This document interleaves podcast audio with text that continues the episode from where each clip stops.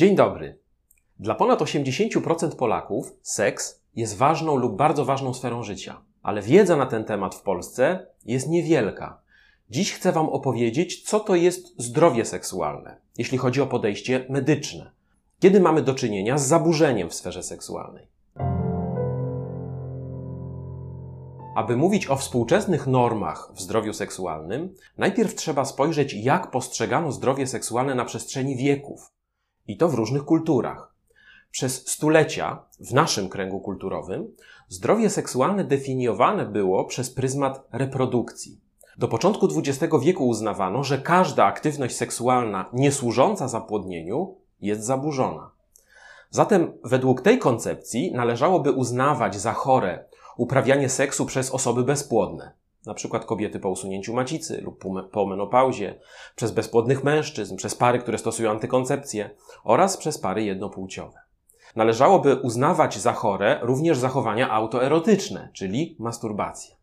Zupełnie inaczej postrzegano seks w kulturach wschodu, gdzie dostrzegano oprócz reprodukcji jego wartość służącą podtrzymywaniu i wymianie energii witalnej. To w kulturach wschodu powstała m.in. Kama Sutra, indyjski traktat o sztuce miłości. I to właśnie w kulturach wschodu poszukiwano rozkoszy seksualnej, technik wzmacniania tej rozkoszy, podczas gdy w kulturze zachodu znacznie bardziej ceniono ascezę seksualną.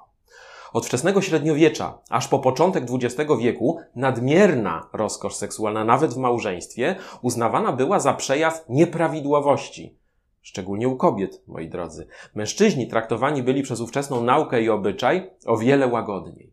Oficjalny pogląd naukowy jeszcze na początku XX wieku był taki, że zdrowa seksualnie kobieta nie odczuwa ani pożądania, ani orgazmu. Profesor Hermann Felling, lekarz ginekolog, wykładowca na Uniwersytecie w Bazylei, tak pisał na początku XX wieku. Wystąpienie seksualnego elementu miłości młodej dziewczyny jest czymś patologicznym. Podobnie było z masturbacją, w której również doszukiwano się przyczyn wielu chorób. Podam Wam jeden przykład poglądów ówczesnego lekarza, Samuela Augusta Tissot, który w 1760 roku wydał książkę pod tytułem Onanizm, dysertacja o chorobach spowodowanych przez masturbację. Pisał on w niej, iż nic nie działa tak niszczycielsko na organizm, jak onanizm. Wtrącę tylko, że słowo onanizm pochodzi od onana, postaci biblijnej i obecnie jest używane w złym znaczeniu. Onan nie uprawiał masturbacji, tylko stosunek przerywany. Robił to po to, aby nie dopuścić do zapłodnienia wdowy po zmarłym bracie, z którą według ówczesnego prawa, tak zwanego prawa lewiratu, musiał współżyć. Według tego prawa po urodzeniu się dziecka to zmarły brat byłby uznany za ojca i Onan się temu sprzeciwiał. Tak więc słowo onanizm nie powinno oznaczać masturbacji, tylko stosunek przerywany. Ale koniec dygresji, wracamy do doktora Tissot. A więc uważał on, że bezpośrednim następstwem masturbacji jest wiele poważnych chorób. Między innymi utrata pamięci, ślepota, nadmierna suchość, utrata apetytu, podagra, reumatyzm, zanik rdzenia kręgowego, bóle głowy i wszelkiego rodzaju choroby psychiczne. Szczególnie dotknięty jest mózg, pisał Tissot, który zostaje odwodniony, i w końcu wysycha. Pewien człowiek doprowadził się do takiego stanu, że jego mózg grzechotał w czaszce jak wyschnięty orzech w skorupie. Obecnie koncepcja zdrowia seksualnego uległa przede wszystkim dwóm zmianom. Po pierwsze, dostrzeżono znaczenie pozareprodukcyjne seksu, czyli seks w celu innym niż reprodukcyjny uznaje się obecnie za zdrowy.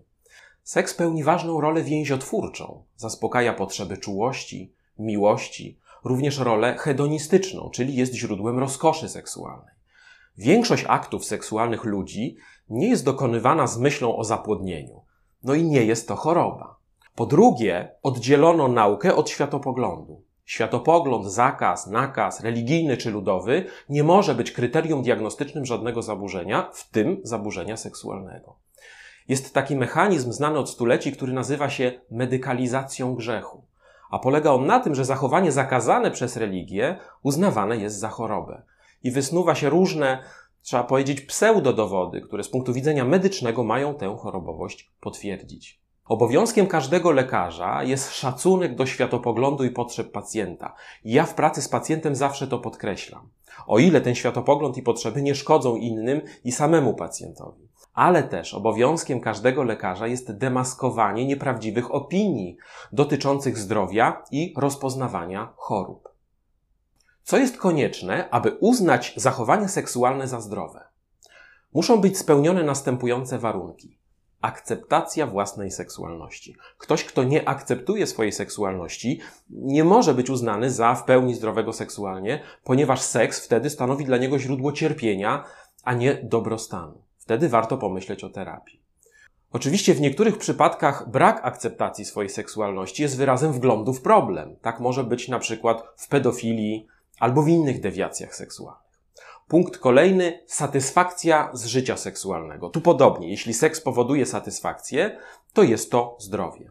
W przypadku seksu partnerskiego niezbędna jest wzajemna satysfakcja. Trudno uznać seks w związku za całkowicie zdrowy, gdy tylko jeden z partnerów osiąga satysfakcję, a drugi nie. Wtedy u tego drugiego narasta frustracja i kłopoty murowane. A propos satysfakcji seksualnej, podam Wam taki przykład. Według badań Około 8-9% kobiet nigdy nie miewa orgazmu. Występuje u nich tak zwana pierwotna anorgazmia. Nie wiadomo dlaczego tak się dzieje, takie są jednak obserwacje. Ale wiele z tych kobiet ocenia swoje życie seksualne jako satysfakcjonujące. I w takim wypadku, u takiej kobiety, nie można rozpoznawać żadnego zaburzenia seksualnego, a tym bardziej wprowadzać leczenia.